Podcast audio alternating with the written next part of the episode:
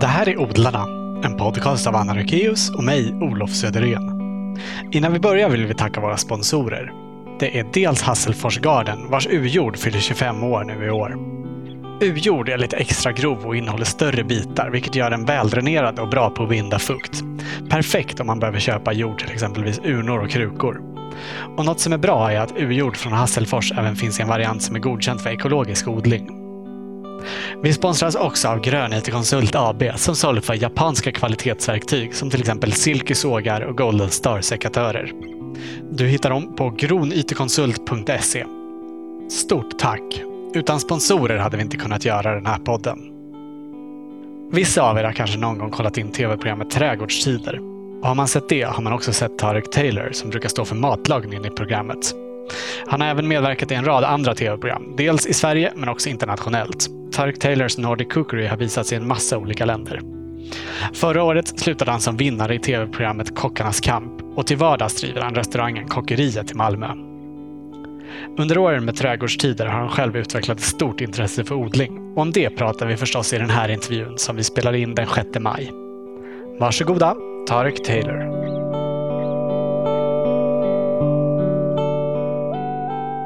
Du har precis varit och tävlat. Ja. I ostronöppning om ja, men precis. förstått helt. Ja. Berätta. ja, vad ska jag säga? Eh, Det, det är väldigt nytt för mig det där med ostronöppning. Jag har eh, hållit på med det i eh, exakt eh, tre och en halv vecka.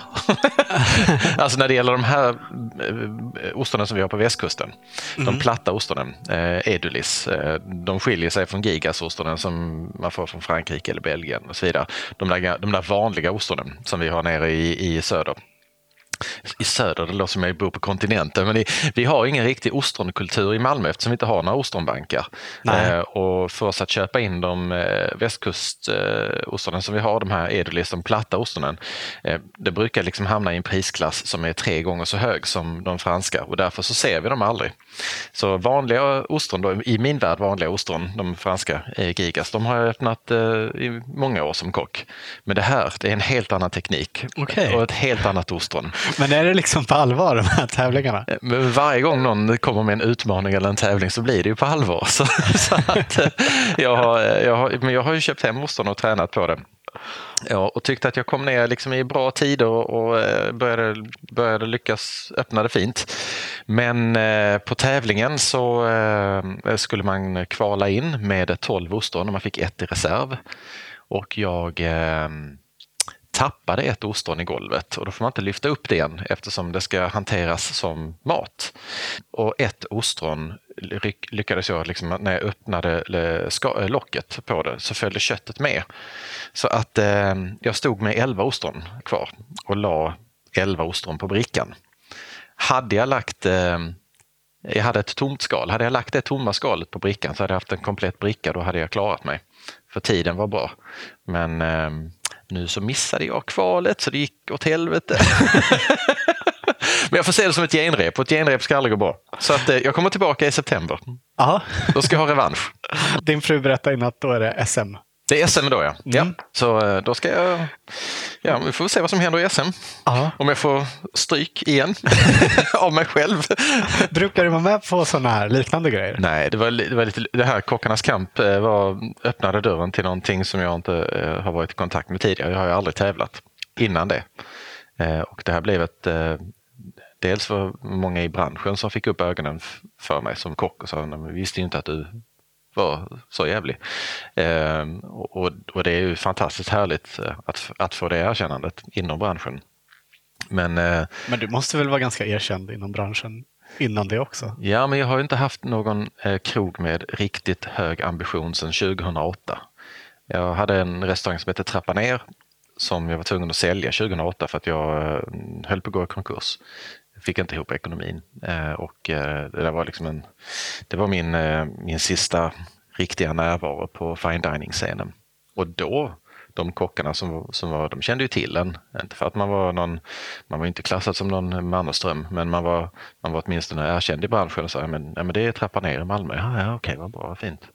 Nu är jag tillbaka igen med fine dining-krog igen i Malmö. Som också har börjat göra resonans och har fått jättefina omdömen. Och det är jätte, jätte, jättekul. Men däremellan, 2008 fram till nu, så är det en hel ny generation kockar som har skolats eh, och kommit ut på marknaden som aldrig har hört talas om eh, mig. Jag har väl mer varit sedd som den där lill-Ernst som har skorna på sig men går omkring och pillar med ogräs i trädgård och, och, och, och käkar sånt och tycker det är kul. Bygger lite grann till höger och vänster så att det var många som inte trodde jag var kock ens, alltså, fast ni har varit det sedan jag var 16. Så av den anledningen så var det här Kockarnas kamp eh, jätteviktigt för mig och jättehärligt att få det där erkännandet när man nu har jobbat med det alltid. Jag har ju aldrig gått ur köket så att det, det är många som, som har trott att man ja, då han är en trött krögare.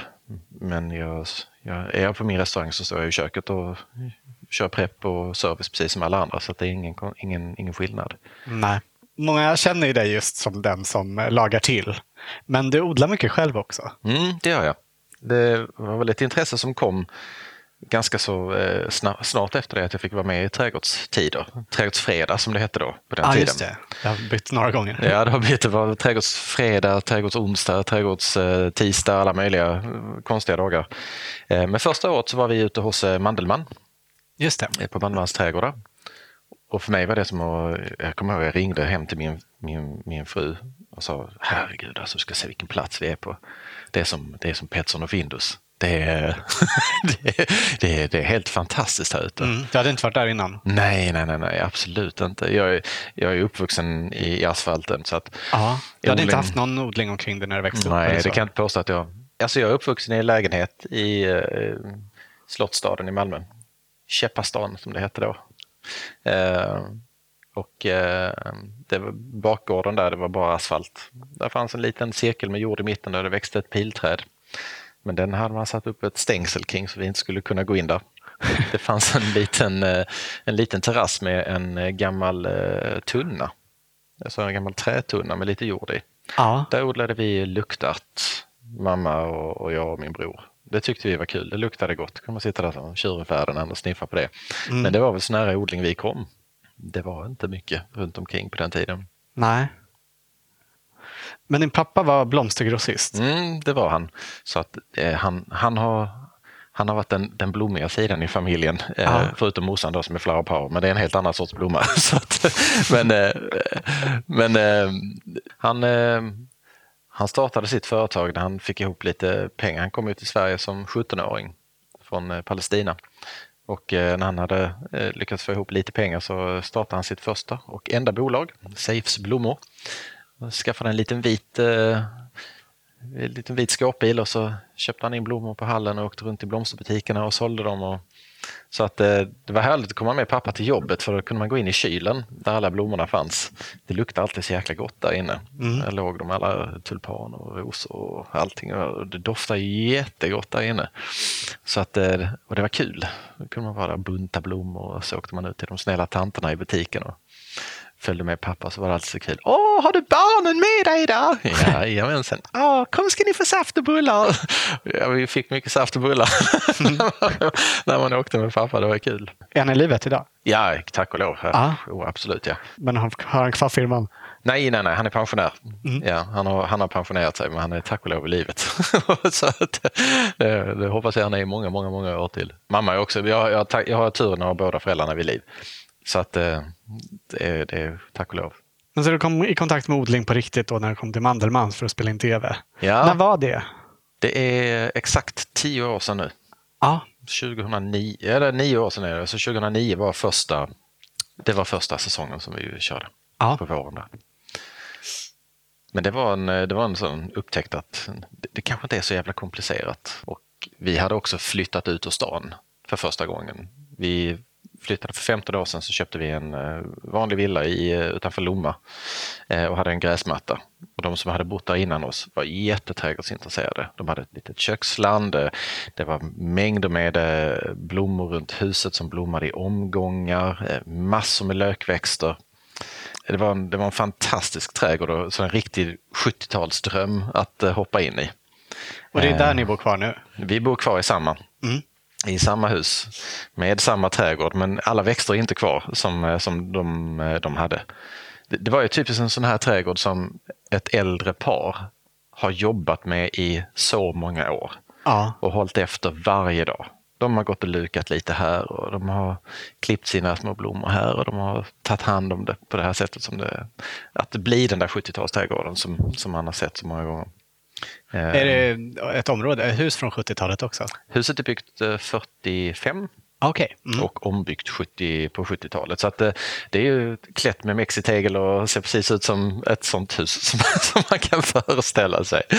Så att, eh, men det var lite skadat när vi flyttade in så jag renoverade huset och då var Stina var gravid och skulle Din precis... fru. Ja, Mm så att eh, vi hade inte mycket tid över till trädgården.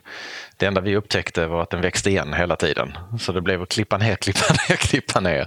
Och till slut blev det ohållbart med rabatterna. Så att eh, jag stenlade marken runt huset.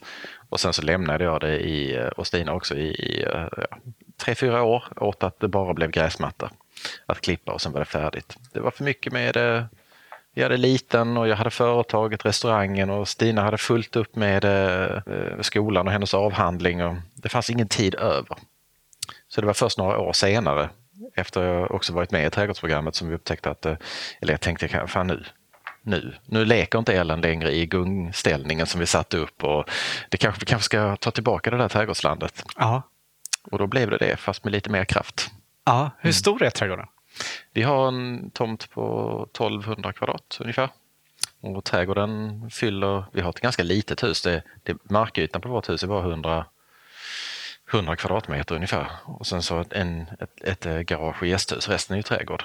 Så det är ganska mycket att pilledutta med. Var det liksom kökslandet som var det, det du satte igång med då? Ja, det blev en kombination.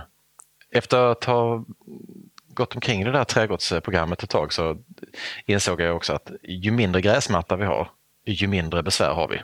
Det är suveränt. Så att, eh, låt oss sätta lite perenna rabatter och så fyller vi dem med så, med så mycket så att eh, ogräset inte får plats. Så, och, och det blev resultatet. att jag, jag tog papper och penna och så satte jag mig och började rita istället. Och så skulle vi säga, men här skulle man kunna göra någonting kring det lilla äppelträdet där. Oh, vad bra om vi gör en så hade vi gjort den här stenrabatten i programmet. Så tänkte jag, mm, här skulle man gjort ett stenlandskap och så en vatten. Här, vi ska ha någon fontän. Här, måste vi ha en liten vattensamling. Det ska man ju ha i en trädgård.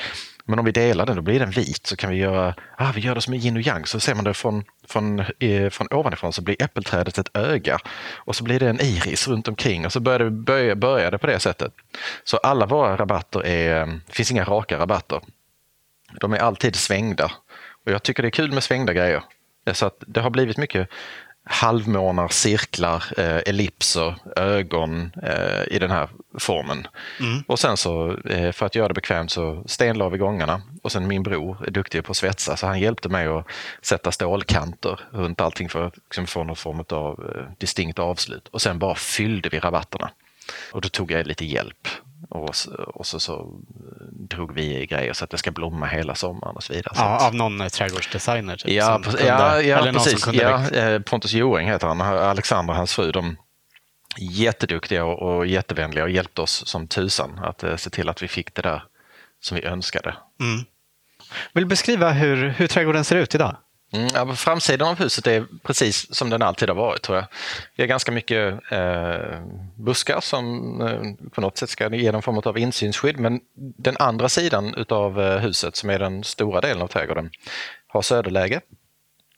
Och eh, upp mot eh, terrassen där odlar vi eh, i, krukor och eh, även sådana här Eh, Eh, precis som vi byggde i, i trädgårdstider, så eh, odlingslådor med vattenmagasin. Eh, där odlar vi eh, tomater och vi odlar kryddor och vi odlar eh, Ja, vad har vi mer för någonting där uppe? Jag har satt lite fysalis något år. Eh, det har gett rätt god avkastning där. Det är varmt och vindskyddat. Eh, och sen i fönsterna som vetter mot den sidan, där har jag i vardagsrummet en stor rada med chiliplantor. Och sen så eh, kommer de här två små gödslingar som jag fick av er, kommer också finnas där någonstans. Kubansk oregano och Ja. ja. malabarspenat. Det är fantastiskt.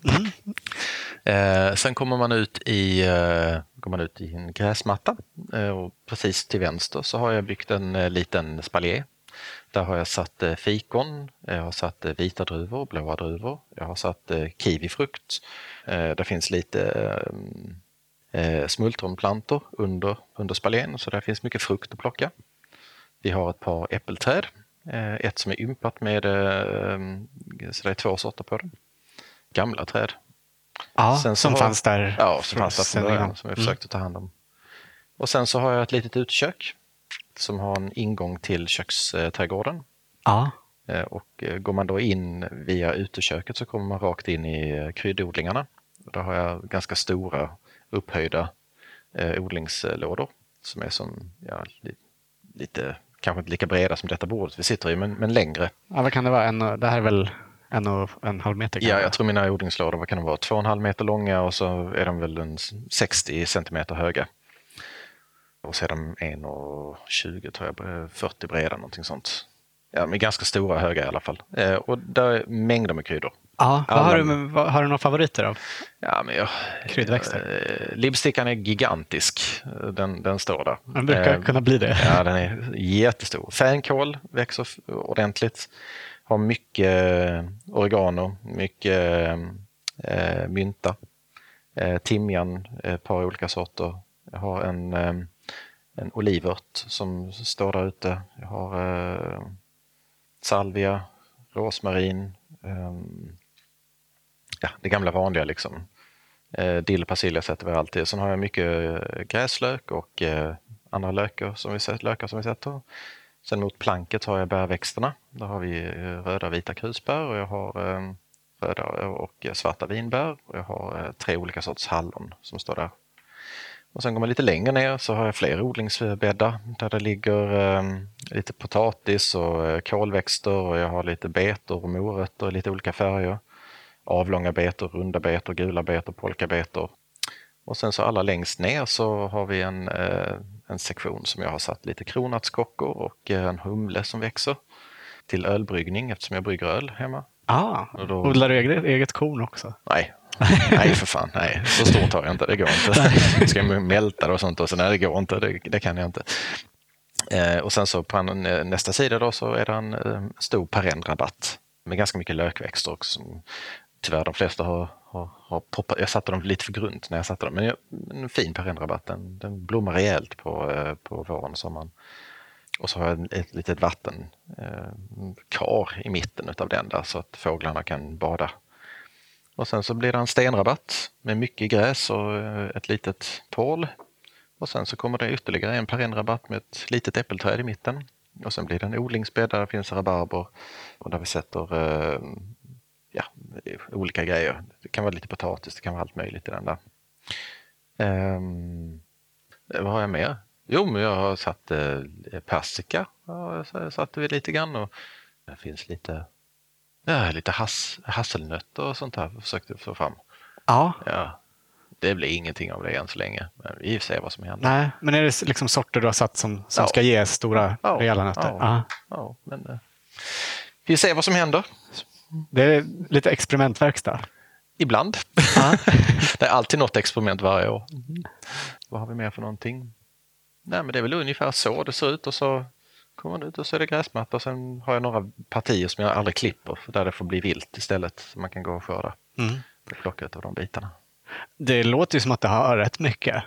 Ja, men jag försöker. Ja. Absolut. Hur, hur pass självförsörjande är du på, Inte alls. på grönsaker? Inte alls. Nej, jag tror inte jag skulle kunna fixa det ens, tror jag, på, på den ytan. Eh, Det är nog alldeles för lite. Då skulle det bli väldigt så monotont. Då får vi äta betor och eh, kål. Kålrot och lite lök. Det hade vi, och potatis. Det hade vi kunnat få tillräcklig mängd av, tror jag, på våran, våra 1100 kvadrat. Liksom, för att kunna äta året runt, men det, resten det skulle bli alldeles för monotont. Vad, vad går bäst av allt Ola? Vad får du alltid skörda ordentligt av? Jag får riktigt mycket bär, väldigt mycket kryddor, jättemycket rabarber. Ehm, alla fruktplantor som jag har satt ute som fysalis och liknande har jag fått enormt mycket skördar utav. Tomater blir jätte, jätte, jättebra. Potatis har alltid blivit fint. Eh, lök har det varit lite si och så med. Eh, men den brukar jag låta stå till eh, andra året och plocka blommorna istället. Mm. Kålplantor likaså skördar jag sällan klart utan gillar när de går i blom år två. Plocka lite grann från det men låt dem stå kvar. Så, eh, jag, tycker, jag, gillar, jag, gillar, jag gillar det med trädgård att man kan få tillgång till delar av plantorna som man inte ser i butik. som är gott. Och kolblommorna är definitivt en, en av de delarna. Och dessutom blir de rätt stora när de liksom sticker iväg med mycket blommor. Och de där blommorna är magiska. Hur goda som helst. Eh, äpplen får jag hur mycket som helst. Hinner aldrig ta hand om alla äpplen. Jag försökt på alla mm. möjliga sätt och hade tankar om att jag skulle börja göra cider ordentligt. Liksom sådär, men herregud, jobb kommer emellan så, så blev det, det, det, blev inga, det blev ingen sidoskörd. Nej. Är det en stress att det blir svinn i, i trädgården? Ja, det är klart att det är. Jag har ju glädjen och turen att jag har restaurangen. Så att jag, jag skördar ju mycket som jag tar till krogen. Och det, där, det är också en annan del av självförsörjningsbiten att ska man bli självförsörjande så måste man också kunna konservera sina grejer på vägen. Det går inte att äta allting färskt. Det ska inte ätas färskt heller. Nej, Utan, du har skrivit en bok om att sylta och safta och ja, lägga den, in. Ja, och den, där, den kommer ju lite grann ur, ur tradition som vi är duktiga på. Just med konservering. Jag fick höra, Tore Wretman har en gång sagt att nordbor har en genetiskt nedärvd förmåga att kunna smaka olika grader av härskenhet. Och det är för att vi inte ska dö. Och det ligger väldigt mycket i det, för vi har ju haft ett skafferisystem där ingen mat vi äter är egentligen yngre än ett år. Där vi ska, ja det är klart att vi kan peta i oss ett färskt äpple men det hörde till ovanligheterna. Det var viktigare i så fall att konservera äpplet mm. i någon form så att man kunde njuta av det länge så vi inte skulle trilla av pinn. Och där i ligger väldigt mycket av självförsörjningsbiten, att man inte nog med att eh, det gäller att odla mycket, det gäller att odla i omgångar. Eh, det gäller att kunna konservera och ta hand om allt man skördar. Eh, så att det räcker inte bara med trädgården, man måste också ha jordkällan och konserveringsmetoderna och se till att använda det. Så att bli självförsörjande är inte en ettårsprocess. Det är en flerårig process innan man har hunnit bygga upp sitt lager och se till att man nu så, nu, nu har vi mat hela året. Mm. Så att eh, det är inte så enkelt som, som man kanske kan tänka sig. Nej. Har du testat eh, fröbaljorna på kolplantor? Ja, det har jag också gjort. Ah. Och på rädisorna också. Jättegott! Ja, jag gillar också det. Mm. Lite liksom som, som små krispiga kolbönor. Typ. Exakt. Ja, men det är skitgott för att tala ren svenska. Det är mm. jättegott. Eh, och rädisorna är också jättespännande. Mycket kraft i dem.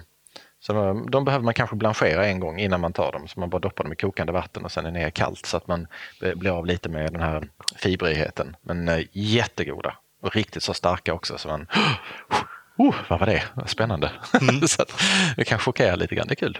Aha. Men är det genom jobbet med trädgårdstider som du har ja, lärt dig odla själv? Absolut, absolut.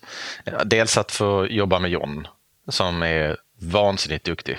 Han, han, han kan det. Så har han karisman också. Men Pernilla, hon är inte långt efter John i kunskap. Jag ska inte säga att hon låtsas vara dummare eh, än vad hon är på programmet, men eh, hennes kunskapsnivå när det gäller odling är skyhög. Mm. Hon är extremt duktig och påläst och kan förmodligen rabbla varenda latins namn på alla växter som ni har här inne. Eh, så att eh, hon är extremt duktig. Ja, det vore kul att prata med henne någon gång också. Ja, men det tycker jag. För det här trädgårdsprogrammet det var ju Pernillas eh, lilla skötebarn. Det var hennes, eh, hon ville verkligen detta för hon har ett brinnande intresse för, för trädgård. Pernilla är jätteduktig, så de två tillsammans har ju verkligen inspirerat hur mycket som helst.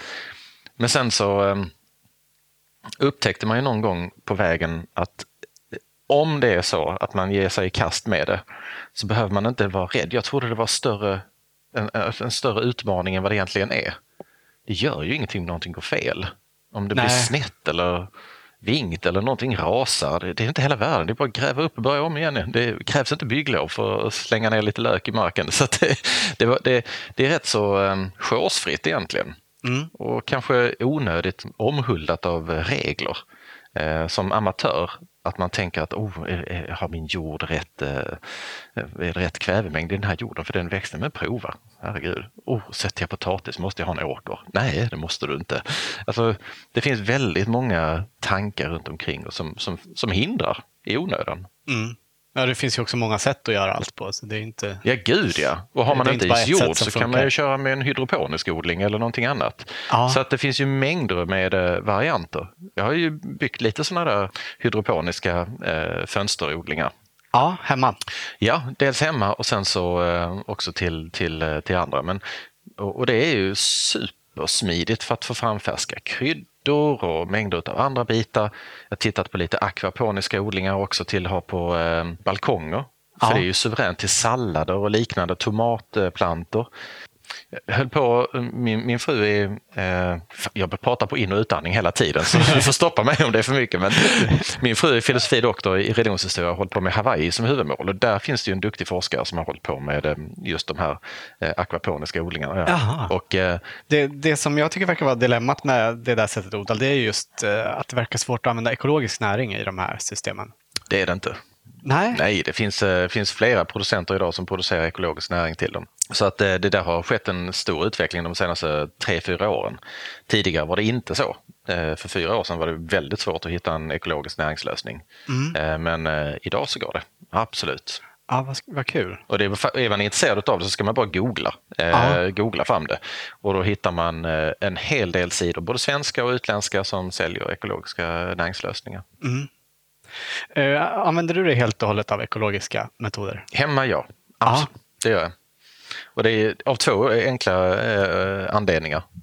För det första tycker jag inte om ogräsmedel eh, som Roundup och liknande som har dödskallar på sig. Eh, jag förstår inte meningen med det. Jag, jag föreställer mig någonstans att när, när jag ser en reklamfilm där de trycker som en sorts eh, deodorantflaska eh, lite gugga på bladen och så ser man hur det går ner i rötterna och sen dör plantan och ingenting annat runt omkring. Så tänker jag, vad händer med det som det måste gå ut någonstans.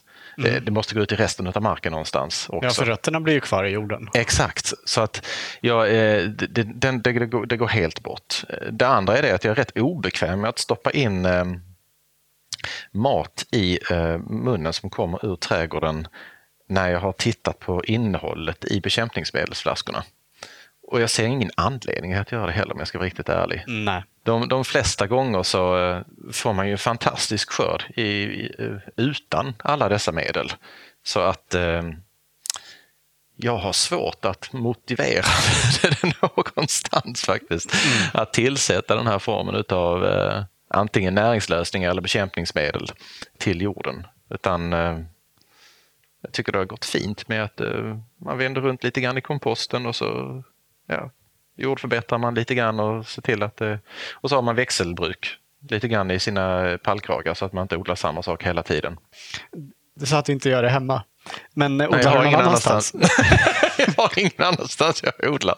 Så, nej, jag gör det inte hemma, det gör jag inte. Men jag har ingen annanstans jag odlar heller. Så, att, eh, så jag gör ju inte det. Men eh, eh, jag köper inte bara enbart ekologiskt till restaurangen. Det är Nej. inte ett krav från min sida. Varför inte? Eh, mitt krav från eh, restaurangens sida är att jag behöver titta på eh, ekologiskt för mig när jag behöver ta tag i en, i en gröda eh, är alltid första valet om jag har ett alternativ till grödan.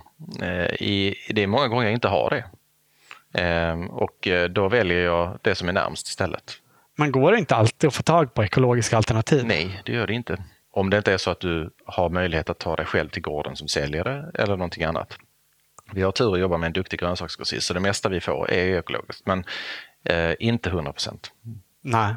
Men är det liksom svårare då när man köper via en grossist? För som privatperson så går det ju ändå att hitta i stort sett allt om man, Som ja, om man privat, anstränger sig lite. säger, skillnaden tror jag är många gånger att som privatperson är du inte bunden till en meny eller bunden till att du ska laga en specifik rätt.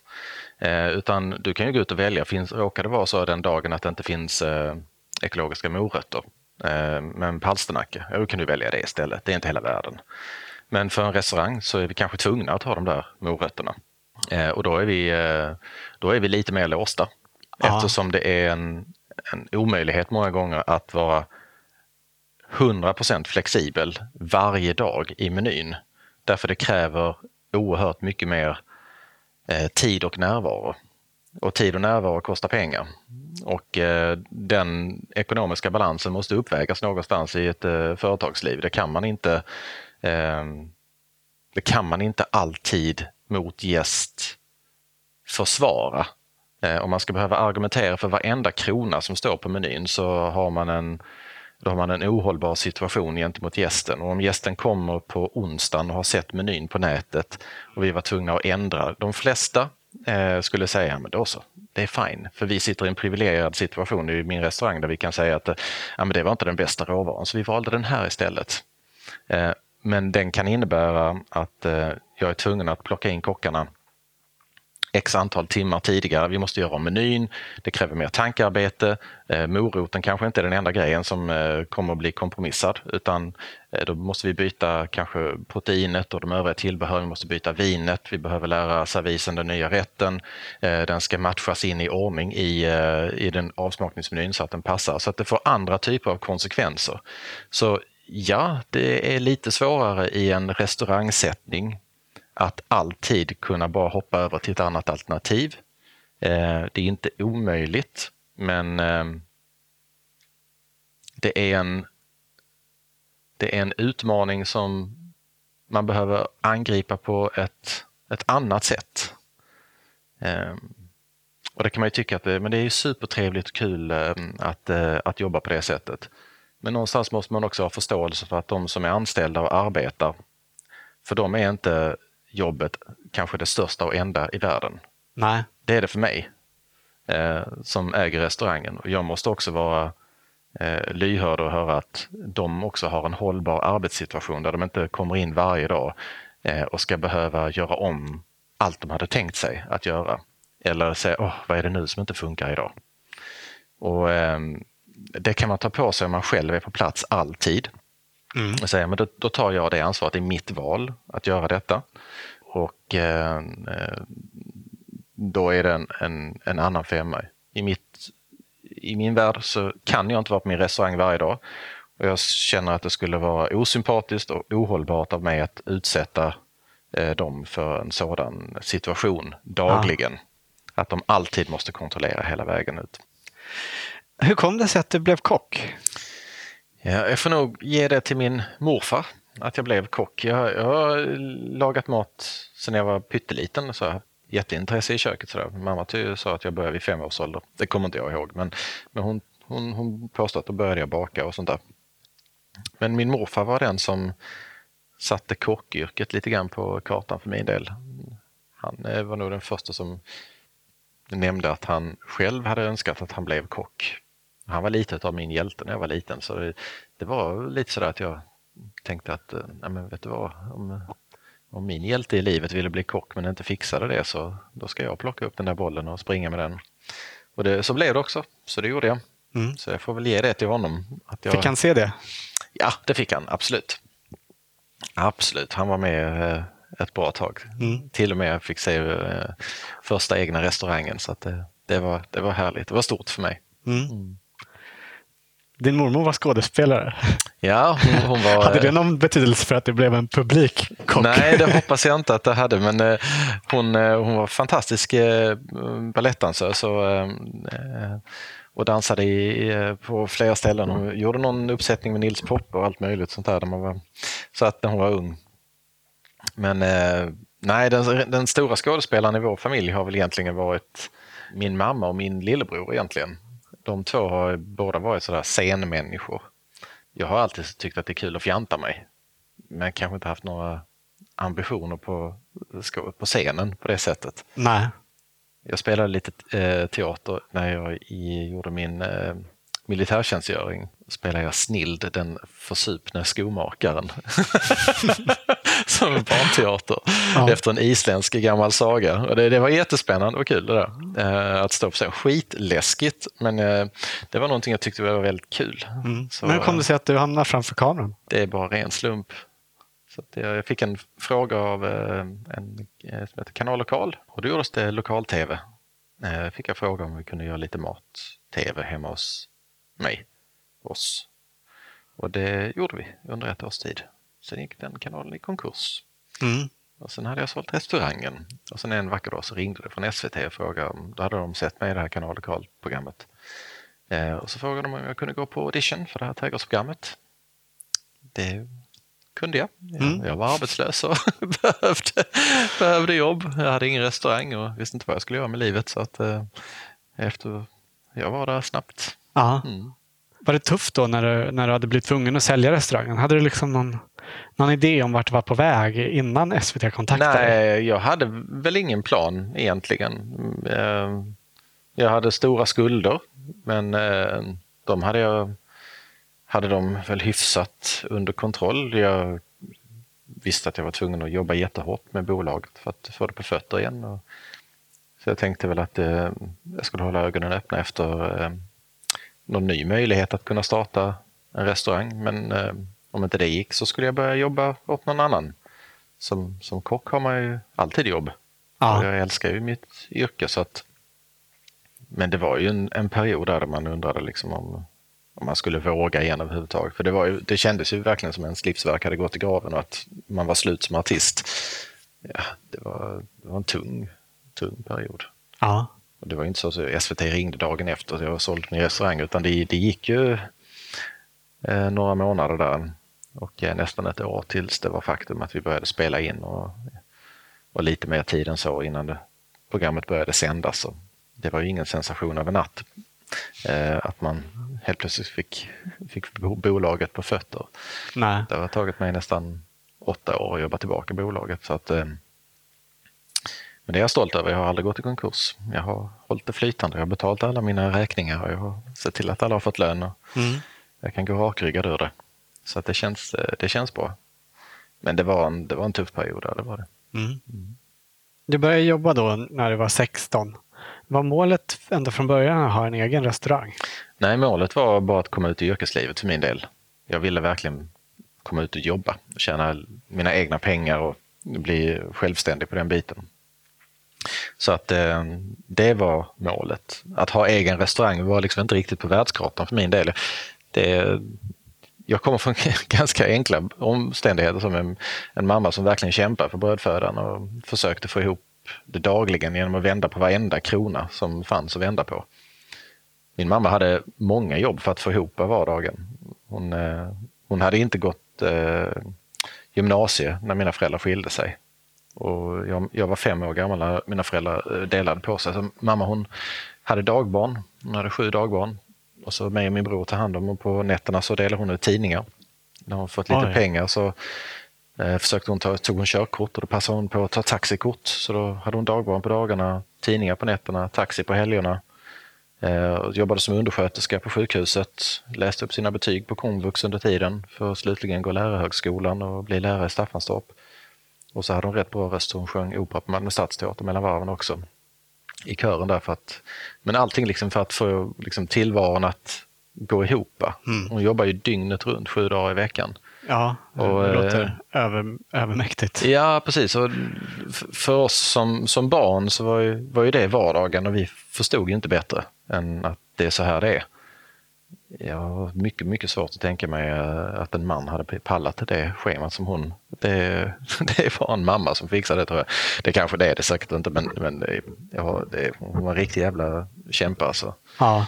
Så att, eh, men när man kommer från den bakgrunden så att en vacker dag sitter och tänker att oh, jag kommer att vara företagare, jag ska anställa, jag ska ha en egen restaurang. Det, det fanns inte på världskartan. Vi gick på restaurang två gånger om året. Det var när min bror fyllde år och när jag fyllde år. Och då gick vi till två olika ställen. Vi gick till antingen till Pers krog eller till Centralens restaurang.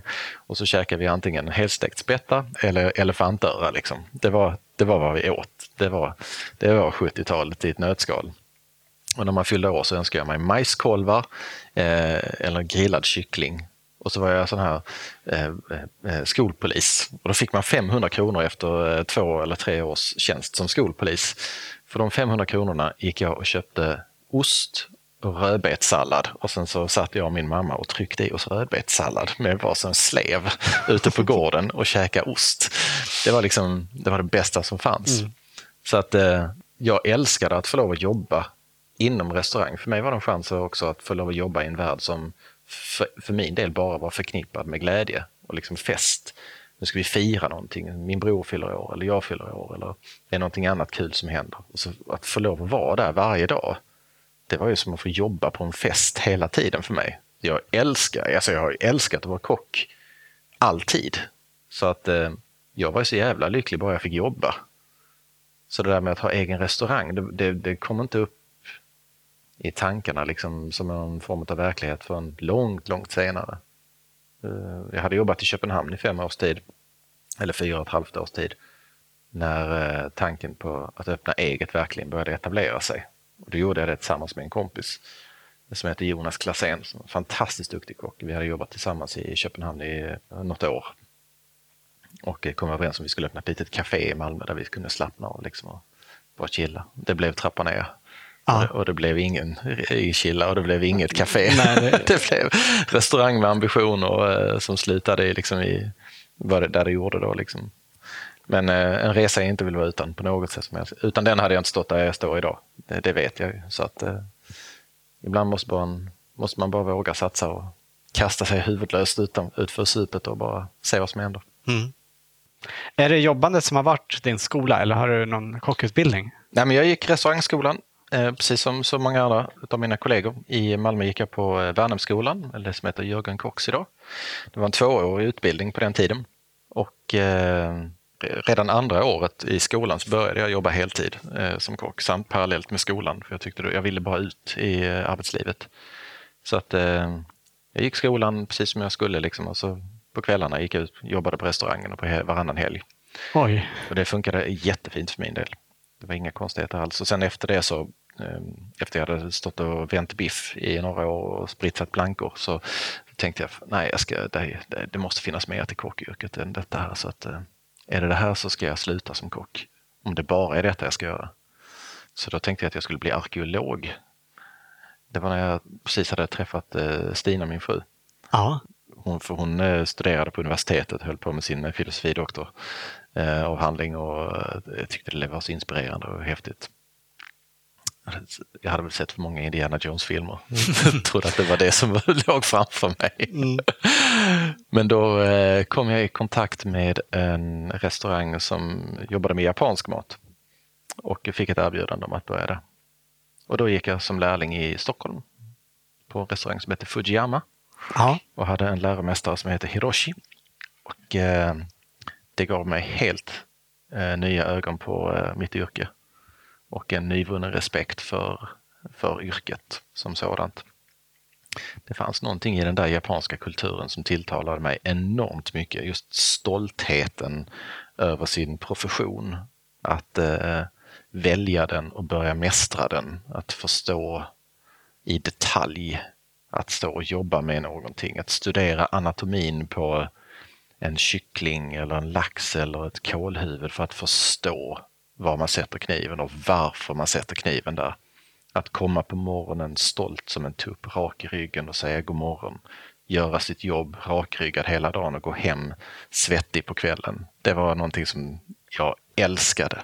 Jag älskade disciplinen i det. Jag tyckte det var fantastiskt. Så det var också en, en förståelse att eh, som kock kan man jobba med precis vad som helst. Det finns så många discipliner. Du kan jobba med nordisk mat, japansk mat eller eh, arabisk mat eller vad det Inom varje disciplin så kan du jobba med eh, vegetariskt eller kött eller fisk eller fågel eller konditorbiten eller kombinera allting. Och när du börjar, börjar mästra saker och ting så kan du börja sjunga din egen melodi. Så att eh, det, för mig var det en ovärderlig läxa. Mm.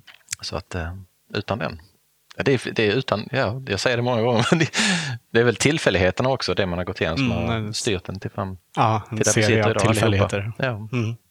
Men eh, så gammal var du sen när du öppnade eget? Vi startade restaurangen år 2000, så då var jag 31. Ja, då hade du hunnit jobba i 15 år. Ja, precis. Jag har varit i Eh, jobbat i Malmö, i Lund, i Köpenhamn eh, och som städer. Vi reste till eh, Australien, jag jobbade där lite grann. Jag har varit runt och jobbat på ganska många olika ställen också. Allt ifrån enklare pizzerior till lite till egentligen aldrig på några finrestauranger. Utan det var inte förrän vi öppnade Trappa ner som, som jag började jobba med någonting som var ansett som fint eller sådär som var gastronomi på liten nivå. Så, så att det var egentligen min, min introduktion till den, till den eh, typen av mat. Och det var av en slump egentligen. Det kom nog bara ur att vi hade eh, ambition att laga god mat och att det blev mer och mer förfinat hela tiden. Så att eh, det var aldrig någon tanke på att det här ska bli en, en fine dining restaurang eller någonting sånt. Vi skulle ha ett café vi hade köpt en jättefin glänsande espressomaskin second hand och mamma hade sytt kuddarna som hängde på väggen och det var, det var superfint. Vi hade 16 kvadratmeter kök och hade 28 sittplatser och det var, det var super. Men det blev ju mycket, mycket mer. Det blev, eh, det blev en, det blev en fullfjädrad avsmakningsmeny som till slut och vinpaketen och det ena avlöste det andra. Och sen, växte det fram stegvis? liksom? Ja, det växte fram stegvis och sen blev vi lite förblindade av eh, recensioner och började jaga liksom prestige. Det var egentligen början till vårt förfall. Hade vi stannat kvar i det vi, i det vi började så hade det kanske stått där än idag. Men då hade jag inte suttit här. Nej. Så att eh, det hade varit, det hade varit bara en naturlig utveckling. Man ska gå på pumpen några gånger. Man ska eh, inte ha liksom en räkmacka igenom alltihopa utan det är bra att få, få sig en smäll på käften och liksom satt på jorden igen. Du försök nu inte ha mm. någonting utan att du ska pay your dues. Du ska, du ska liksom gå igenom skiten också om du ska kunna skörda för framgångarna utav det också. Så att, eh, hur jobbigt det än är när saker och ting går åt helsike, och det gör det. Så om man har, jag ska inte säga det är förmätet att säga, så det tänker jag inte ens yttra mig för så har jag inte tänkt i stunden. Men jag kan säga av erfarenhet från de gånger som jag har gått på pumpen och har gått åt helsike, så har alltid någonting bättre kommit ut i nästa ände. Mm. Och har det inte varit bättre så har det åtminstone varit väldigt annorlunda och inspirerande till att fortsätta. Så att eh, jag är inte så rädd för att det ska gå åt helsike längre. Någonting nytt kommer att ske. Och det kommer inte vara som det var. Men Nej. det kommer att bli bra om man väljer att göra det bra. Hur mycket står du själv vid spisen i din restaurang? När jag är på min restaurang är jag vid spisen. Och det gör jag så ofta jag bara kan.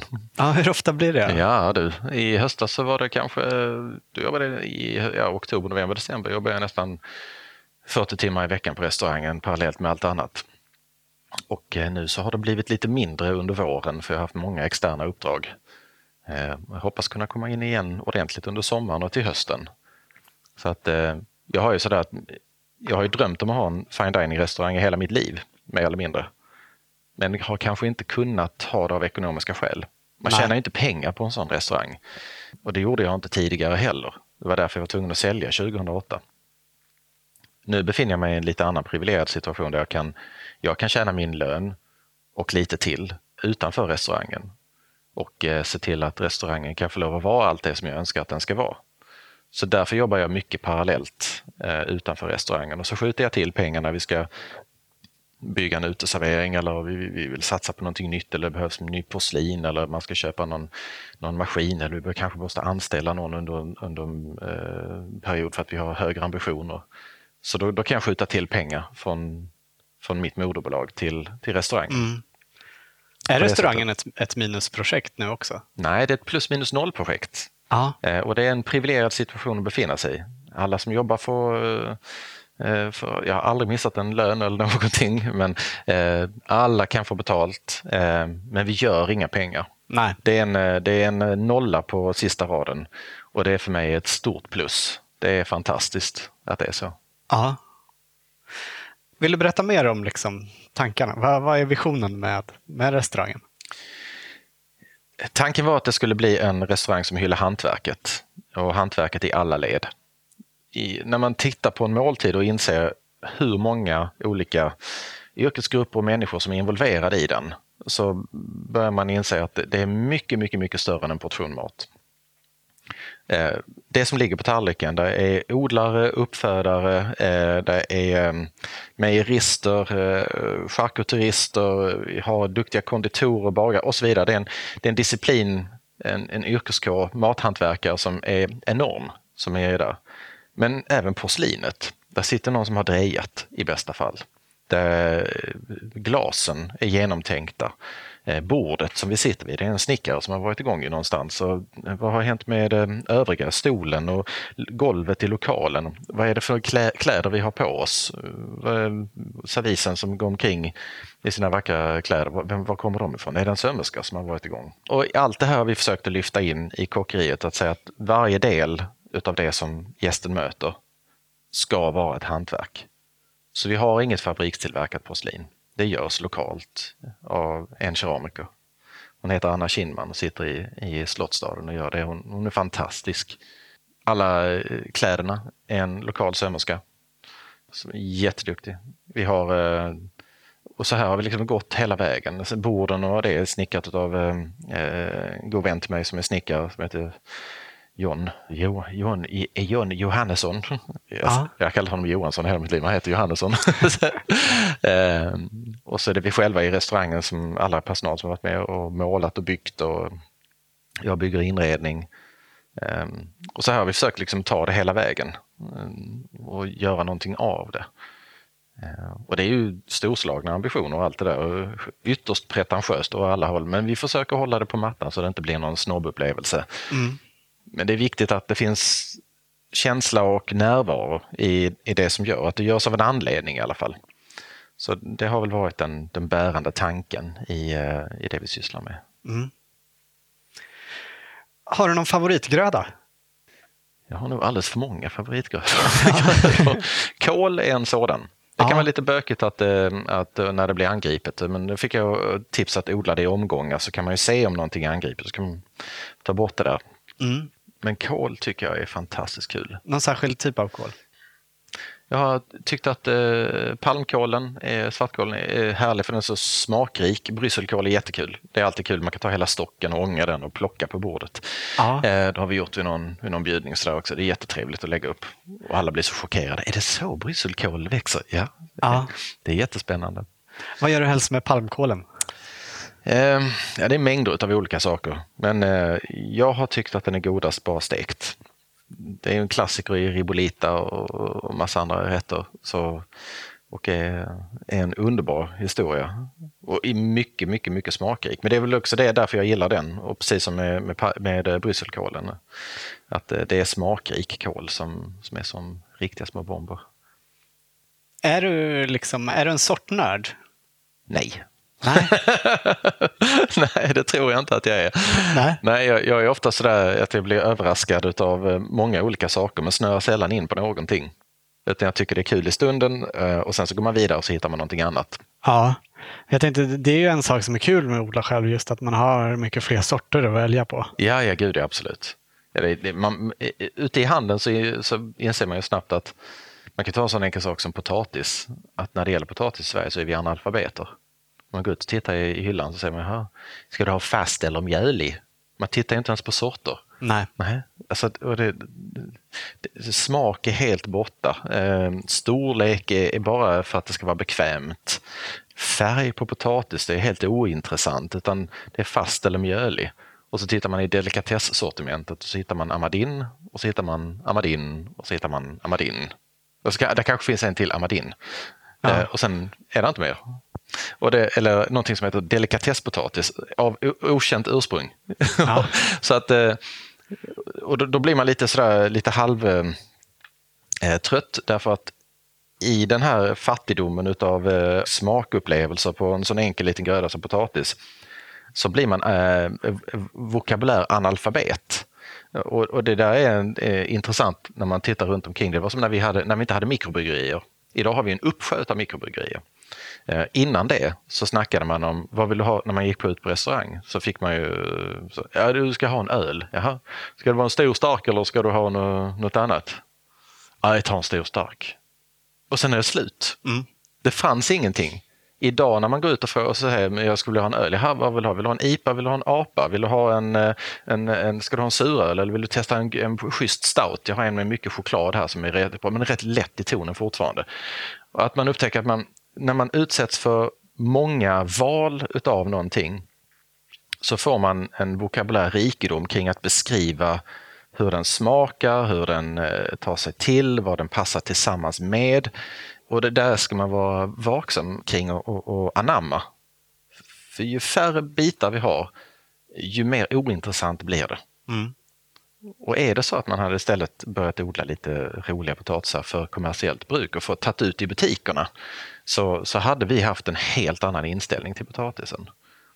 Den fick ju riktigt stryk på näsan när GI-rörelsen eh, satte igång eh, och alla skulle titta på den här lilla stackars potatisen som det var värsta giftet i världen helt plötsligt. Eh, så att det, det, det behöver vi ta tillbaka.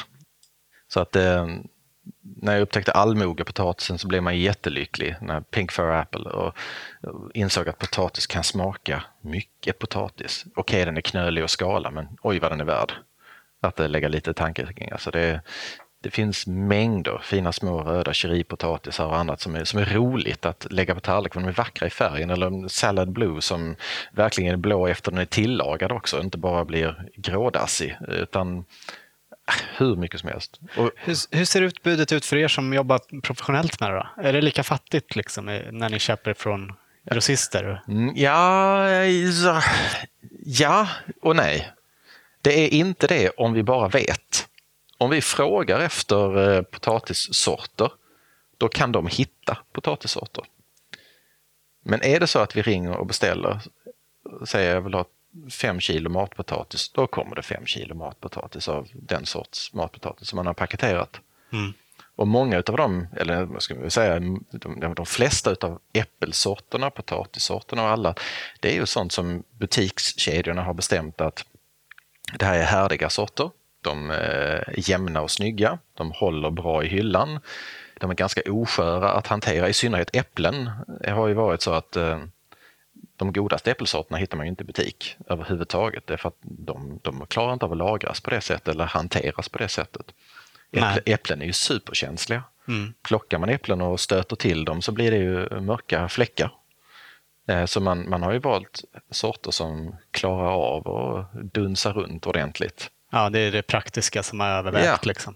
Och så är det i mångt och mycket och det, det har odlingskulturen också i Sverige när det gäller bönder och utbildningar runt omkring det har ju handlat om bra avkastning och eh, vad får man för snygg skörd och vilken är populär och vilka betor gillar folk och så vidare. Ja, och det, på ett sätt är det ju begripligt också för om man står mellan valet en potatis som har en speciell smak men där man riskerar att hela skörden blir förstörd av en sjukdom. Gud, ja. Eller en annan potatis som inte kanske är lika god men som man vet är resistent mot den här sjukdomen.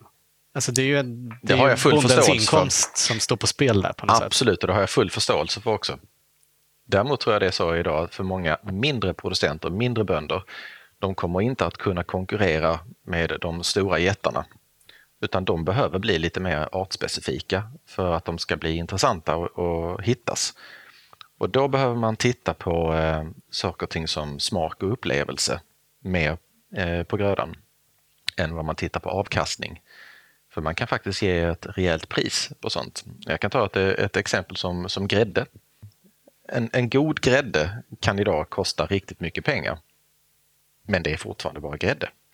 Så tittar vi på grädde som vi köper i butik så kanske den kostar 40-45 kronor litern eller någonting liknande. Men eh, när vi hittar en riktigt smaskig grädde från ett litet ställe som eh, bryr sig om det, då betalar vi eh, 170 kronor plus moms litern för den grädden. Vet du vad de gör för att grädden ska smaka så mycket bättre? Det kan bara de svara på. I wish I knew. Men eh, eh, deras kor går på... Eh, de, det, är mycket, det är klövarbete. Det, de, de får en, en fantastisk eh, produkt i slutändan. Mm. Den är mycket, mycket mer rik på vitaminer och proteiner. Den har en smak i sig som är nästan som glass rätt ut ur eh, flaskan. Ja. Och vi använder den och kärnar vårt eget smör med.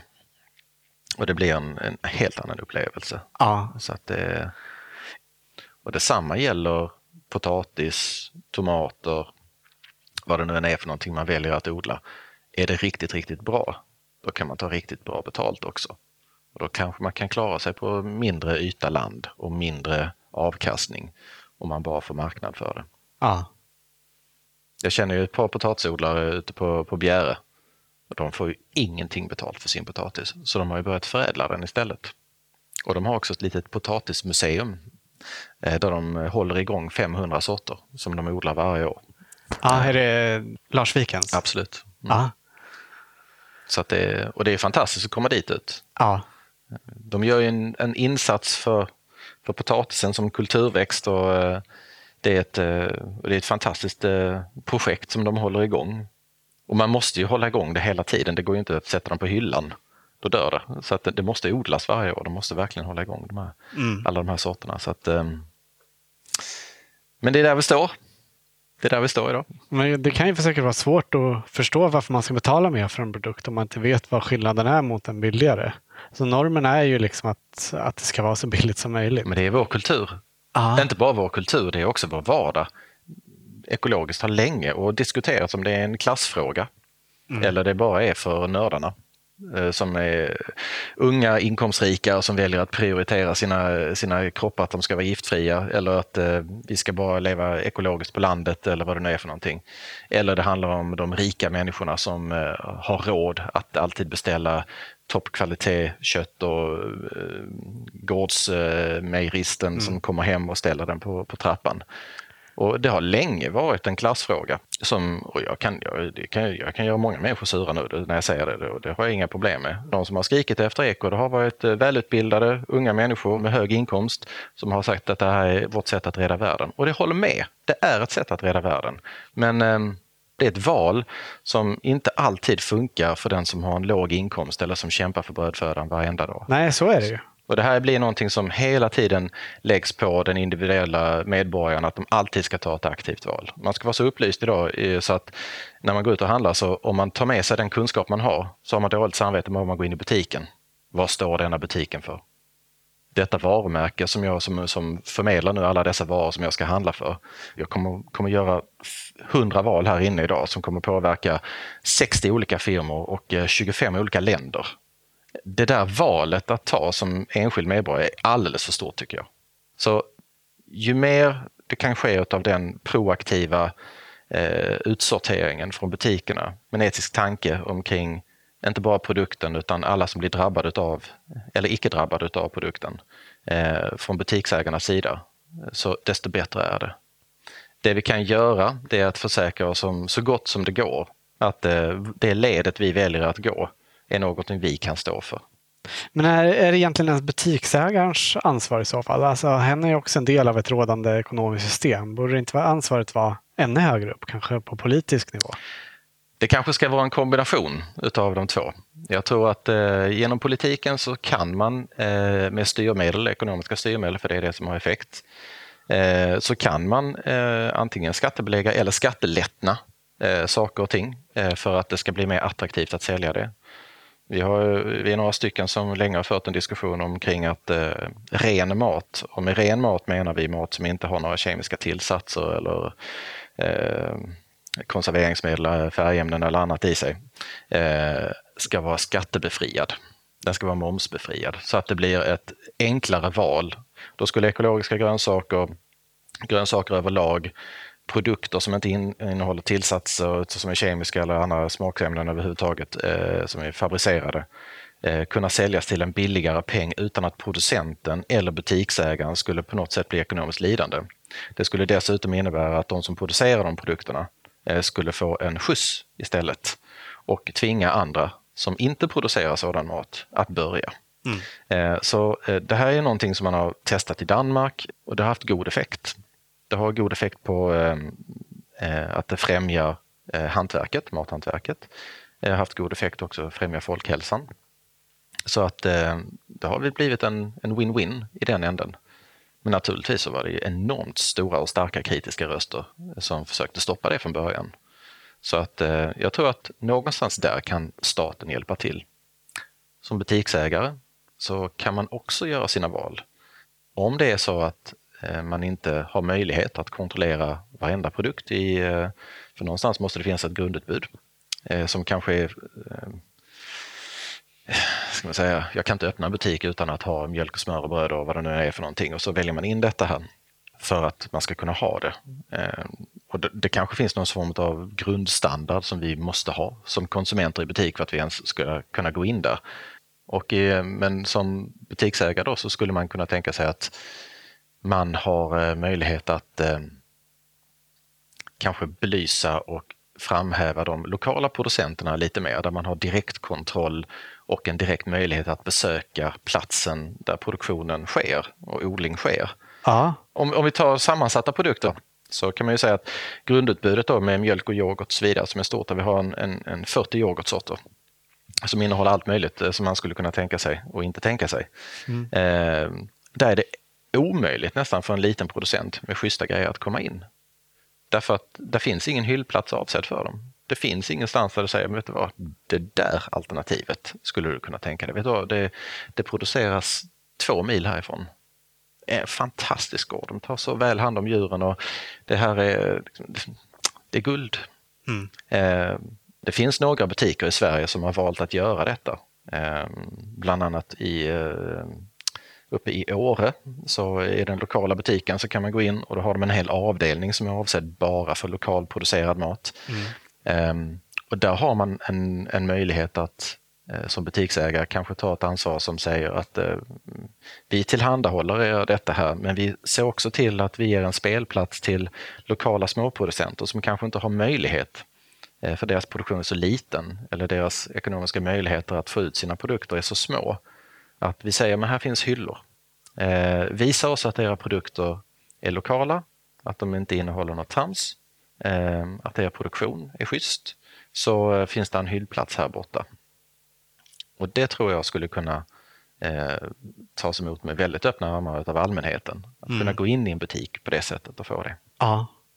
Jag saknar lite grann den möjligheten för de, för de små. Eh, att kunna visa upp vad de har för allmänheten utan att de ska behöva hamna i specialbutiker dit de bara insatta hittar. Ja, det vore ju jättebra. Det jag saknar att det är lättillgängligt för alla. Mm. Jag tycker att det är tråkigt eh, att det inte tas mer steg och större ansvar för att göra det tillgängligt och man kan inte göra det tillgängligt på böndernas bekostnad för de är redan så ansträngda som de är. För det är oftast det kommer från väldigt små producenter som har det tufft att få ihop. Det trodde jag kanske inte att det var tidigare men efter sex års resande i Norden och besöka de här producenterna så säger jag att de kämpar för sin brödföda. Varenda jävla dag kämpar de stenhårt. Och då sen att sitta i nästa ända och säga att, eh, att, det, att det blir en klassfråga, jag fattar det, men vi måste på något sätt se till att de blir premierade på något sätt. Det ska inte behöva vara en klassfråga. Nej, såklart. Det måste få, det måste få bli en, en allmän rättighet att kunna ta det valet ja. oavsett.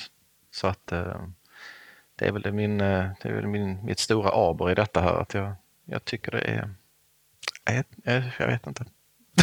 jag vet inte. Det, ja, det, är det, det, är en komplicerad, det, mm. det, är en mm. komplicerad eh, bit att sitta i. Mm. Det, det, gör lite ont i hjärtat när man, när man min mamma har i hela mitt liv varit väldigt ekonomiskt oprivilegierad.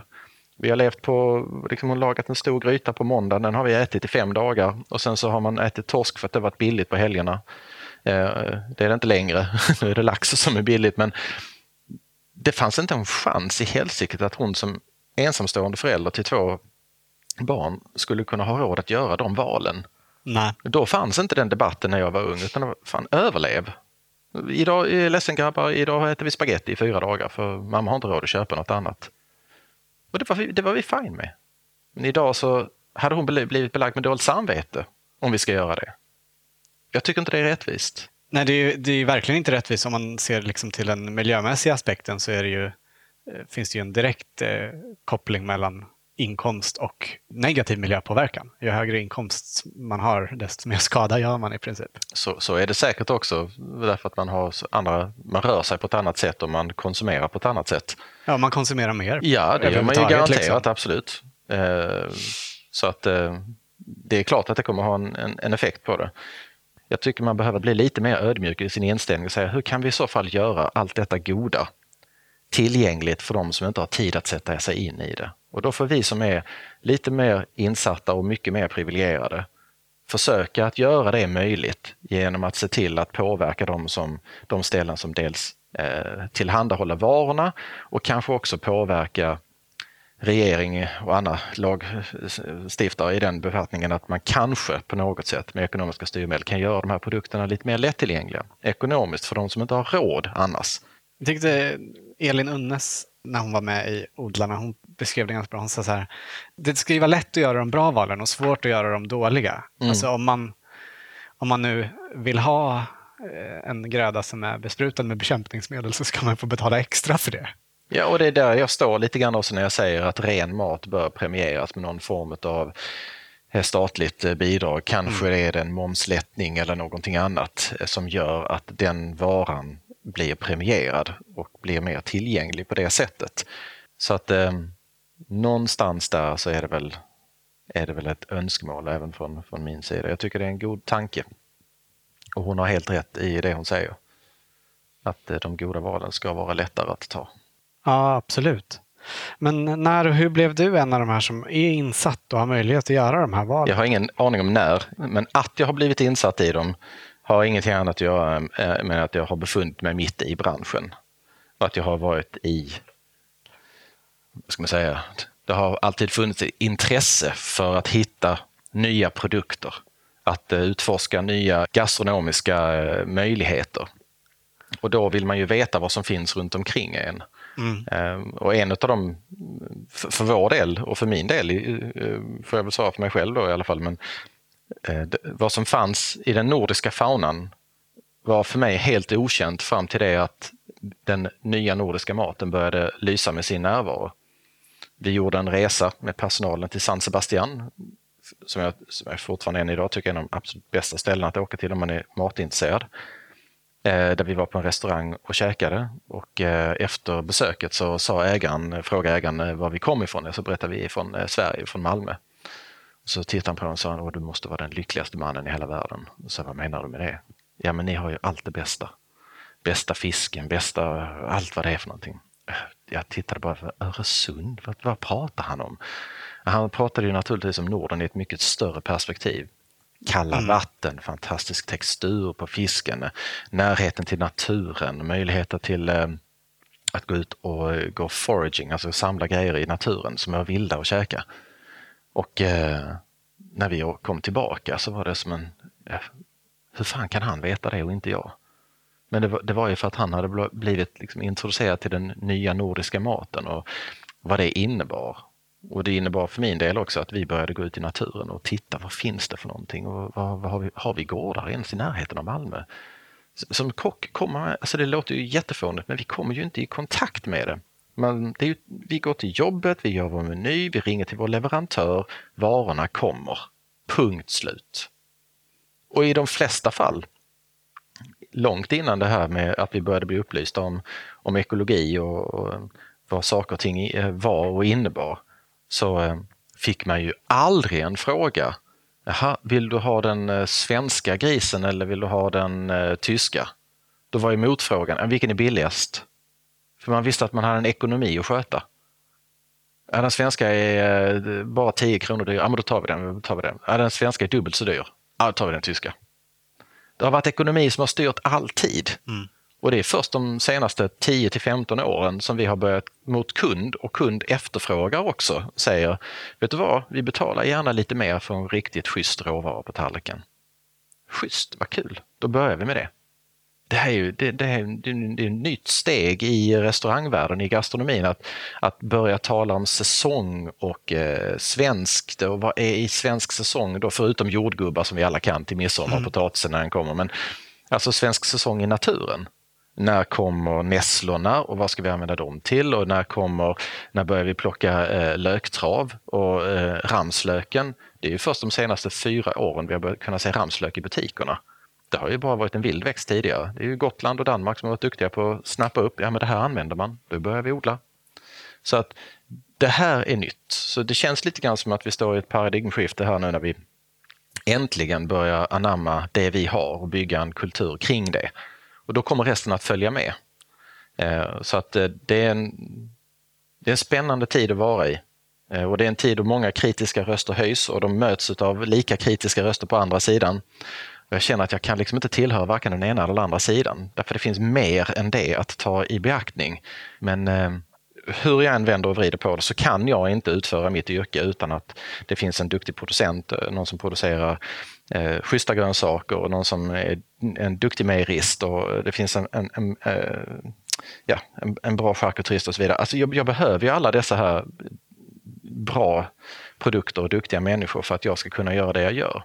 Och i min, i min värld, när jag har varit runt och rest runt i Norden, så har jag ju de senaste fem åren, sex åren, besökt småproducenter i hela Norden. De här småproducenterna i Norden har jag tyckt många gånger, det är vårt sista rop i vildmarken för att inte en jätte ska ta över. Och för att de ska finnas kvar behöver de vårt stöd. Och vårt stöd får de när vi köper deras produkter. I nästa ände, när man läser hur, hur det ser ut i världen, i, eller i Sverige just nu, att den genomsnittliga familjen spenderar 15 minuter om dagen i köket. Då ser jag att det är inte möjligt att laga mat på en kvart om dagen i köket. Det betyder att ungefär fem dagar i veckan så löser vi vår måltid på något annat sätt. Antingen genom att vi tar någonting på vägen hem, vi tankar bilen, äh, petar i oss en korv eller någonting annat. Vi går ut och handlar, vi passar på att äta på köpcentret eller vi är på Ikea och låter ungarna äta här. Vi tar köttbullar allihopa eller vad det nu är för någonting. Att det är mathållningen.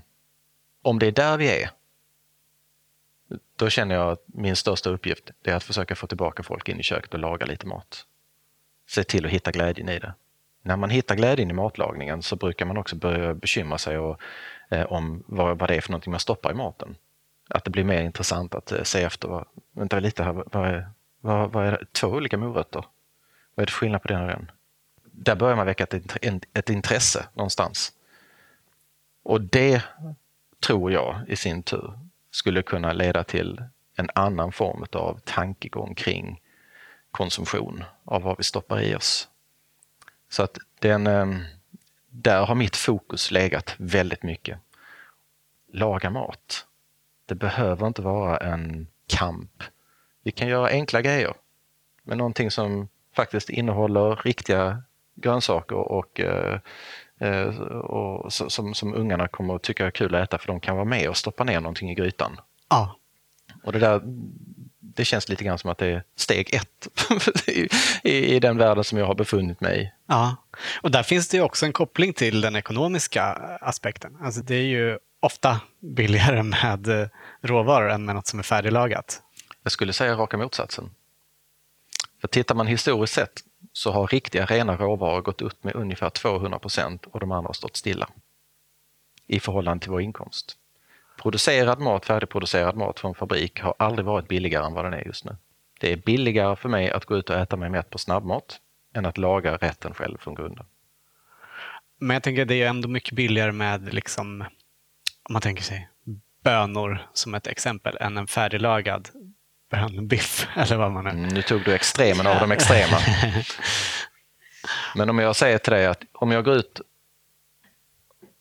och käkar mig mätt på snabbmat för under 50-lappen så är väl det ändå en rimlig tanke. Det kan bli en falafel och en, en dricka. Liksom. Det, I Malmö kostar det 40 kronor. Det är också olika beroende på vad man är. Ja, absolut. Och här kanske någonting annat som är billigare. Eh, men någonstans så finns det någon snabbmat att plocka. Och jag går ut i en matbutik och vill hitta en färdig rätt som jag kan bara slänga i micken och säga pling så kan jag hitta det under 50-lappen. Många gånger om jag ska köpa upp råvarorna och laga den rätten så landar jag någonstans på 150-200 spänn. Jag kommer ha råvaror över såklart. Ja, men, men det, precis. För men det, också, lagar man då en... mm, men det är också det lite grann som är problemet i många familjer. Att vi går ut och så köper vi och sen så blir det lite över av råvarorna och sen ligger de där. Och sen så ruttnar de i kylen.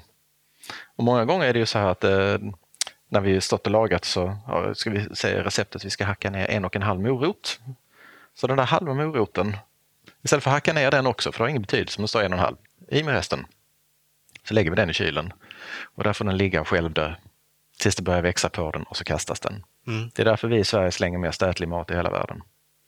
Så att vi, eh, vi, har, en, vi har en kamp i den ändan. Eh, och eh, alla de här kloka argumenten som jag har försökt med så många gånger att Köp den bättre råvaran, använd hela. Det kostar dig mindre än att köpa skit och slänga hälften.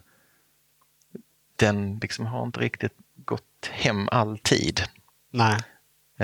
Därför att man har gått ifrån det här med att kunna öppna kylen, titta in vad ska jag laga på resterna som finns och så slänger man ihop det. Och Det där lär man sig när man lagar mat. Och det är många som kan laga mat herregud, det lagas jättemycket mat i Sverige. På helgerna det, det, det brassas käk överallt, i alla möjliga kök. Men eh, inte som det gjorde förr. Förr så lagades det kanske mat i väldigt, väldigt många fler hem i vardagarna i synnerhet. Och så såg man att vi har lite över av det där och det där. Vi slänger ihop en soppa. Det blir god mat imorgon. Man låg steget före. Idag upptäcker vi inte att vi är hungriga förrän börjar skrika i magen. Och det är först då vi ska börja köpa in grejer. Och då ställer man sig inte och gör ett långkok. Då eh, är det första bästa eh, hamburgerhak som gäller. Liksom. Så att eh, vi har en helt annan vi har ett helt annat förhållningssätt till mat idag mot vad vi hade för 20 år sedan. Och i, en, I en mänsklig evolutionstid så är det inte ens ett ögonblick. Det, det, har, det, har hänt, det har gått så fort att den, nya, den generationen som växer upp nu, de har aldrig behövt gå hungriga.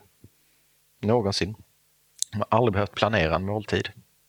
Ehm, så länge de har ett, eh, ett Swish-konto med sig eller någonting annat så kan de alltid bara se till att få lite käk. Det kvittar ju var man än går förbi. Bensinstationen, snart en klädesbutik. Passa på att äta på vägen in eller ut. Det finns alltid någonting att stoppa i munnen. Mm. Men det här med att ta vara på allt, är det något du har fått med dig hemifrån? Det lät ju som att din mamma var bra på att, att ta hand om grejerna. Ja, gud ja, absolut. Ja, men herregud. Alltså det är så inrutat i en att man äter upp allt på tallriken och att man kastar ingenting. Så att eh, när jag går på middagar och sånt och, och, eh, så äter jag upp det som är på tallriken. Och eh, om då värden eller värdinnan tycker men kommer fram med lika mycket mat till, ja men då äter jag det också. Alltså jag äter tills eh, det gör ingenting om det gör ont i magen, men har någon lagt upp det så, och jag inte har sagt stopp så, så äter jag upp det som finns. Eh, och, eh, det, är liksom, det är liksom så inpräntat i en att man lämnar inte mat på tallriken för att det där är värdefulla grejer. Man lämnar inte bordet så det är tomt på tallriken. Nej. Jag har min fru mat kvar på tallriken så då tar jag den också. Jag äter upp min dotters, det som är kvar där, det är som en soptunna. det, det, och det, det, är ingenting, jag ser ingenting negativt i det, utan det gör ingenting. Man får ont i magen lite då och då, men det, det går bra. Men det är bra att uh, förstå att uh, det som ligger på tallriken har ett värde som är utöver att det är mättat. Mm. Det finns ansträngning bakom det, det finns uh, många olika bitar som kommer ur det där som är gott. Det finns en bra miljöpåverkan, att man ser till att det inte finns massa rester. Och finns det rester så ska man ta hand om dem och göra någonting utav det. Det finns ingen mat som blir över som måste kastas. Allting går att återanvända till någonting. Mm. Hur är det på restaurangen? Är det jobbigt att se om eh, gäster lämnar mat? Då? Mina gäster äter alltid upp maten. är det så? ja, det är det faktiskt. Jag har inte burit ut eh, många tallrikar från den matsalen där det har legat någonting kvar på eh, tallriken överhuvudtaget. Det brukar vara renskrapade tallrikar. Mm. Det kanske är för att vi ger för lite mat eller för att det är jäkligt gott, men eh, vilket som så funkar det. De går alltid från nöjda och mätta och glada. Så att, eh, nej, men det handlar väl väldigt mycket om att, eh, att se till att eh, man inte är överdådig heller i andra kanten. Att, att bjuda och bjuda till har inte alls någonting att göra med att det ska vara för mycket. Att det ska vara liksom lush, det ska bara flöda av kaviar på tallriken. Utan Nej, för fan, njut av det där i små portioner istället. Det blir en större njutning. Uh, så det finns som, det, jag gör nog inte sådär väldigt mycket för det överdådiga egentligen. Nej. Jag gillar när det är fantastiska produkter och där det är spännande. Men uh, det är mer elegant och smakar bättre när det är sparsmakat tycker jag. Av de bitarna. Din pappa är som sagt från Palestina. När jag ser dig laga mat på tv så känns det som att du ofta hämtar inspiration därifrån. Från den, jag, har ju vuxit, upp, ja, men jag har ju vuxit upp med arabisk mat i hemmet. Mamma är också duktig på arabisk mat så att vi, vi åt mycket av det. Men jag har aldrig varit i Palestina annat än som liten. Men man ser i min matlagning tror jag att jag använder mig mycket av de delarna. Jag gillar verkligen det köket. Det är mycket kryddor, det är härliga smaker, det är stora smaker. Eh, det bygger på färska råvaror, det är lättillgängligt och framförallt under sommaren så är det extremt lätt att göra arabisk mat som, som eh, känns lättillgänglig och rätt i tiden. Och det, med det menar jag alla sallader och, och röror och så vidare som man kan sitta och ha till, till det grillade eller icke eller bara äta som det är. Så att, eh, mm. Det är jättelätt att använda sig av det arabiska köket. Och även i sådana ställen som när jag varit med i Go'kväll och sånt så har jag lagat eh, klassiska arabiska grejer som makloubi och jag har stått där och gjort eh, zalabi och massa andra härligheter och så gjort god hummus och baba ganoush och hållit på med trevligheter och sådär. Så det finns alltid med, det gör det. Det, det är mat som jag tycker väldigt, väldigt mycket om. Mm. Musikhjälpet inte minst, att förstå göra falafel till eh, så många människor. Det, vi drog in nästan 1,1 miljoner på att göra falafel i, eh, under två Musikhjälpen. Det var fantastiskt eh, härligt att kunna få bidra med det där. Ja. Så att jag har arabisk mat att tacka för mycket. Mm. Eh, när vi läste på om dig här så får vi en känsla av att du har ett ganska resande, eh, att du reser en del. Jag reser en hel del, ja. Hur får du ihop det med odlandet? Jag har en fantastisk fru. och svärmor eh, som, eh, som hjälper till med trädgården där hemma. Jag brukar stå för de stora eh, röjningarna. En på våren och en någon gång så där, halvvägs in i säsong och så en på slutet. Och sen så eh, det där dagliga underhållet. Det hjälper min fru mig med hur mycket som helst. Ja. Utan henne hade jag inte kunnat göra någonting överhuvudtaget. Så att, eh, jag plockar hem väldigt mycket grejer när man är ute och reser och man har möjlighet att ta med sig saker och ting som, som växer. Och, så, och det blir väl alltid lite grann sådär, åh nej, kommer du hem med ännu mer? Var ska vi sätta det någonstans? Ja, vi hittar en hörna. Det, det går så bra, så bra. Och så hittar vi en hörna och så går det jättebra. Ja. Det låter som att eh, din fru är intresserad av odlingen också. Ja, det är hon. Absolut. Hon är duktig också. Ja, roligt. Ja, Det är ju tydligt att eh, intresset för mat har smittat av sig till nästa generation. Ellen, din dotter, kom trea i Sveriges yngsta Mästerkock för några år sedan. Mm. Eh, hur är det med odlingen? för hennes del. Ja. Nej, hon tycker bara det är bökigt. Ja. Hon njuter av trädgården, men eh, försöker få henne att klippa gräset ens. Det är it's not gonna happen. hon är tonåring, herregud. Ja, hon ska få vara tonåring. hon ska få lov att göra det hon gör, liksom, och hänga med polarna. Hon behöver inte gå och luka och rensa ogräs. men, eh, nej, hon hjälper till när hon kan, men hon, är, hon har inget jätteintresse av eh, trädgården. Hon har varit ute och planterat och satt lite grejer också, men, eh, men eh, man kommer ihåg själv hur det var när man var 14. Herregud. Ja, det, var, det var en kamp för mamma att få mig ens att bädda sängen. Kom igen. Mm. Du, eh, du nämnde ju vilda saker som nässlor och löktrav och Mm. ramslök. Hinner du ta vara på något sånt själv? Mm, vi, vi bor ju eh, precis intill en liten sandskog så att det är möjligt för mig att gå där och plocka liksom, när jag går med hunden eh, på morgonen eller kvällen eller vad det är för någonting och så testa och se vad det är för någonting. Och sen, har, sen har vi ju ett intresse bland alla kockarna på restaurangen som också är ute och plockar. Så att eh, vi är ute en hel del. Ja. Har du några otippade favoriter? Jag har förstått att du smakar på det Nej, mesta. men, eh, alltså, marviolen på stränderna tycker jag mycket om. Eh, blommorna är sådär senaps eh, och de är härliga och har en skön bitterhet. Den tycker jag är jättefin, strandsenapen. Och sen så löktraven är härlig. Den har ju den här liksom beska eh, lökiga smaken som är fantastiskt god i en eh, tomatsallad till exempel. Det är, jag har eh, tidigare refererat lite grann till löktrav som den, den nordiska basilikan. För den passar så bra i de sammanhangen där man har basilika. Andra godbitar, men då landar vi liksom i mycket av det här klassiska som är eh, flädern och, eh, och det som växer liksom som, som blommar härligt. Jag älskar ju ramslöken. Um, lökiga växter överhuvudtaget är riktigt, riktigt bra. Ehm, men på senare tid så har jag fastnat för, eh, och det är ingen vildväxt, men det är raps. Ja, Det är en, en växt som jag hoppas att vi får se i butikerna. Precis som eh, ramslöken dök upp så hoppas jag också att rapsen kan dyka upp i butikerna. ja. Går det att palla det från åkern då? Ja, alltså, man man får ju sno lite grann när de inte märker men, ja, men det, finns ju, det är inte svårt att köpa rapsfrön och slänga ut i trädgården. Men hur använder du det då? Som kål. Ja, bladen liksom. Blommorna också. Blommorna också. Mm. Sjukt gott är det. För alla ungar som gillar broccoli, och det är många, ska säga, prova raps. Herregud alltså. Det är sötare, det är kåligt, det är superläckert att äta både rått och tillagat. Åh, och så är det hur vackert som helst på tallriken. Så det, är, ja, för- den, det tycker jag det är en riktig nyttoväxt. Mycket mer än att bara pressa olja. Spännande. Riktigt, riktigt gott är det. Ja. Odlar du det i trädgården också? Inte detta året, inte än. Men det är mycket möjligt att jag köper en påse frön nu på vägen hem, eller imorgon, och sätter. Så att, för det är, det är väldigt, väldigt lättod- eh, lättodlat. Jag fick det med utav, i en mix med sommarblommor utav en slump eh, första året som vi eh, satte allting i vår trädgård. Och såg dessa här, de växte ju väldigt, väldigt fort och fina gula blommor. Jag tänkte, vad är detta för någonting? Så, sen upptäckte jag, men vänta, det är ju raps för tusan. Hur smakar detta? Herregud vad gott det är. Det, och man kan vänta också tills rapsen är ganska stor innan man börjar skörda den. Det blir jätte, jätte, jättebra. Spännande, måste, måste man ju prova. Ja, det tycker jag. Det är väl värt det. Mm. Vi brukar alltid avsluta våra intervjuer med att våra medverkande får ge sitt bästa odlingstips. Vilket är ditt? Mitt bästa odlingstips.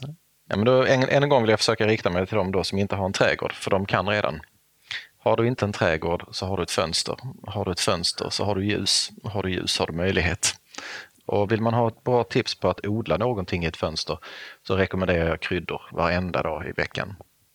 Det är lätt och tillgängligt, det går snabbt att odla, det kräver extremt lite eh, närvaro och det är oftast det som sätter eh, kryddan på maten så att säga. Eh, färska örter är alltid, liksom, det är alltid den där lite den här sköna exklusiva touchen på saker och ting. Så att eh, liten insats, stor utdelning. Mm. Du, tack så jättemycket för att eh, du tog dig tid att komma hit. Ja, det var, det var trevligt att komma hit.